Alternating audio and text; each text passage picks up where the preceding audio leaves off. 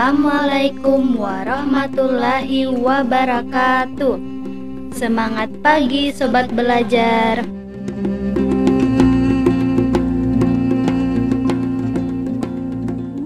Inilah program audio pembelajaran. Program ini dipersembahkan oleh kelompok 3 Kuliah Kerja Nyata Universitas Muhammadiyah Yogyakarta.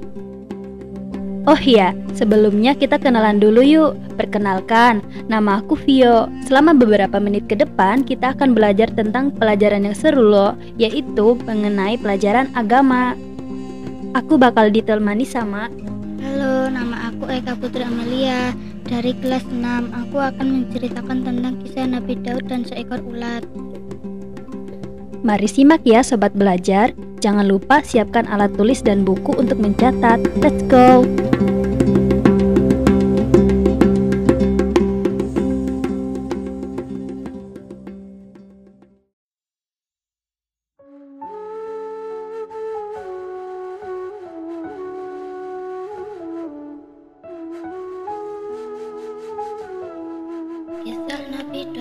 Seekor ulat. Nabi Daud alaihissalam merupakan nabi yang sangat taat kepada Allah sehingga Allah memberikan keistimewaan pada beliau berupa kepercayaan untuk menyebarkan kitab Zabur. Beliau merupakan seorang pemikir dan pembelajar yang baik. Suatu ketika beliau sedang membaca kitab Zabur sembari duduk tenang dan dalam suraunya. Tak disangka ada seekor ulat merah berada di dekatnya. Alhasil Nabi Daud mengawasi ulat tersebut sambil berpikir dalam hati, apa ya yang Allah harapkan dari ulat kecil ini? Sesaat setelah Nabi Daud berpikir demikian, seketika Allah memberikan izin bagi ulat tersebut untuk sanggup berkata-kata seperti manusia.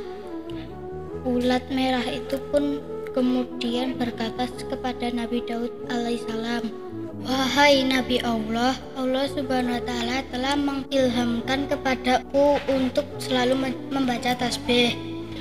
Subhanallahu walhamdulillah wala ilaha illallahu wallahu akbar. Setiap hari sebanyak seribu kali pada siang hari.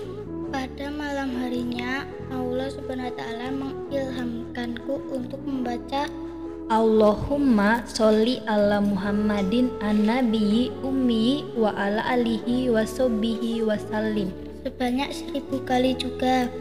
Kemudian ulat tersebut berkata kepada Nabi Daud alaihissalam, Lalu apa yang dapat kau katakan kepadaku agar aku mendapat faedah darimu ya Nabi Allah? Mendengar perkataan ulat tersebut, Nabi Daud menjadi sadar. Beliau sadar bahwa dirinya hilaf. Dia telah memandang remeh makhluk Allah yang terlihat kecil dan tak bisa apa-apa. Padahal mereka bahkan bisa lebih dahsyat ibadahnya terhadap Allah dengan cara mereka.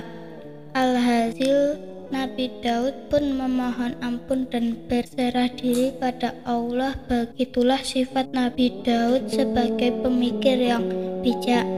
Sejak saat itu dia tidak akan menganggap rendah lagi segala makhluk ciptaan Allah. Jadi teman-teman, pelajaran dari kisah ini kita jangan sampai memandang rendah dan meremehkan orang lain. Seperti ulat dalam kisah ini. Ia terlihat kecil namun ia selalu mengingat Allah.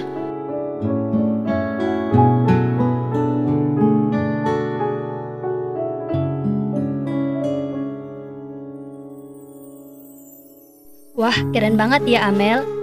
Jadi, dari kisah Nabi Daud dan seekor ulat dapat kita ambil kesimpulan, jadi kita jangan memandang rendah dan meremehkan orang lain. Seperti ulat dalam kisah ini, ia terlihat kecil namun ia selalu mengingat Allah. Semoga sobat belajar di rumah bisa taat kepada Allah ya. Wah, nggak terasa ya kita sudah sampai di akhir pelajaran. Eh, tapi jangan khawatir sobat belajar, karena minggu depan aku dan teman-teman bakalan temenin kalian lagi nih. menemani sobat belajar dengan membawakan materi yang gak kalah seru dan menarik lainnya loh. Terima kasih banyak ya buat sobat belajar untuk belajar barengnya hari ini. Sebagai penutup, sobat belajar tingkatkan terus semangat belajarnya ya. Oh iya, jangan lupa tetap patuhi protokol kesehatan dan makan makanan yang bergizi. Wassalamualaikum warahmatullahi wabarakatuh. Program ini dipersembahkan oleh Universitas Muhammadiyah Yogyakarta. Produser Program ini dipersembahkan oleh Universitas Muhammadiyah Yogyakarta. Produser kelompok 3 Produser kelompok 3 Kuliah Kerja Nyata Radio Komunitas. Penulis naskah Bingar Anissa Mahsa. Operator Bobi Gilang, penyiar 1 Fiona Rahmi, penyiar 2 Penyiar 2 Eka Putri Amelia dari kelas 6